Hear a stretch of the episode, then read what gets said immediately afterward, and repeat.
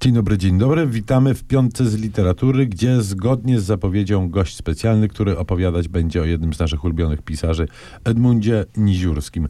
Krzysztof Warga jest z nami w studiu. Dzień dobry. Dzień dobry.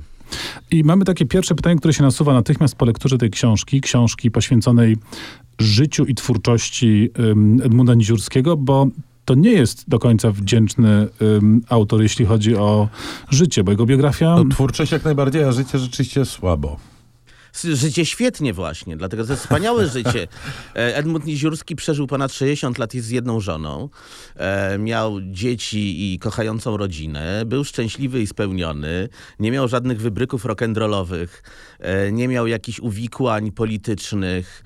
Mm, nie miał skandali. Ergo nie, nie da się napisać o nim prawdziwej, klasycznej, gatunkowej biografii. Znaczy oczywiście można to zrobić.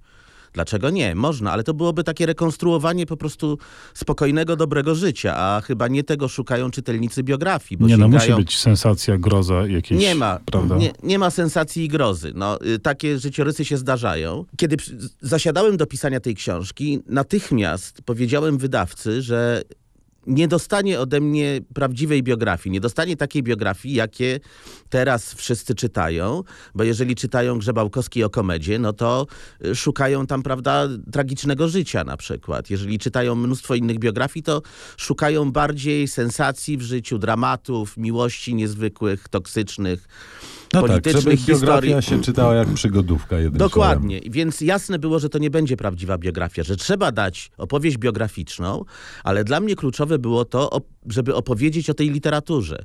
Co takiego się stało, że Edmund Niziurski jest tak ważnym autorem dla całych pokoleń Polaków. No dobrze, y, to zaczynamy odliczanie. Opowiedz proszę o y, tych książkach, które zostały, bo rozumiem, że będziesz mówił o swoich ulubionych, a nie tych, których nie cierpisz.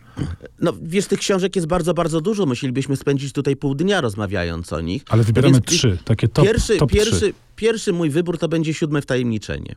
Akurat nie Księga Urwisów, nie Marek Piegus i nie Alcybiades, dlatego że e, jak rozmawiam teraz o Niziurskim, to wszyscy z tym Alcybiadesem, prawda? Dlatego, że to jest lektura, a wszyscy to znają. Siódme wtajemniczenie, najbardziej psychodeliczna, oniryczna powieść Niziurskiego. Zarazem... E, Tu Tomek kiwa głową z pełnym zrozumieniem. Tak, absolutnie podpisuję się wszystkimi kończynami. Bardzo się cieszę z tego powodu, bo staram się przy okazji tej książki o Niziurskim propagować tę powieść. Bo przyznam szczerze, rozmawianie o Piegusie i Elcybiadesie, no to jest troszkę banał w tej chwili. Natomiast trzeba zwrócić uwagę na to, że on napisał kilka zupełnie niezwykłych powieści młodzieżowych. Siódme wtajemniczenie, które jest książką, jak powiedziałem, dosyć psychodeliczną. Jest książką, którą możemy dzisiaj czytać nawet jako powieść polityczną. Mm, O sporze dwóch wielkich sił, blokerów i matusów i o człowieku, który chce być outsiderem.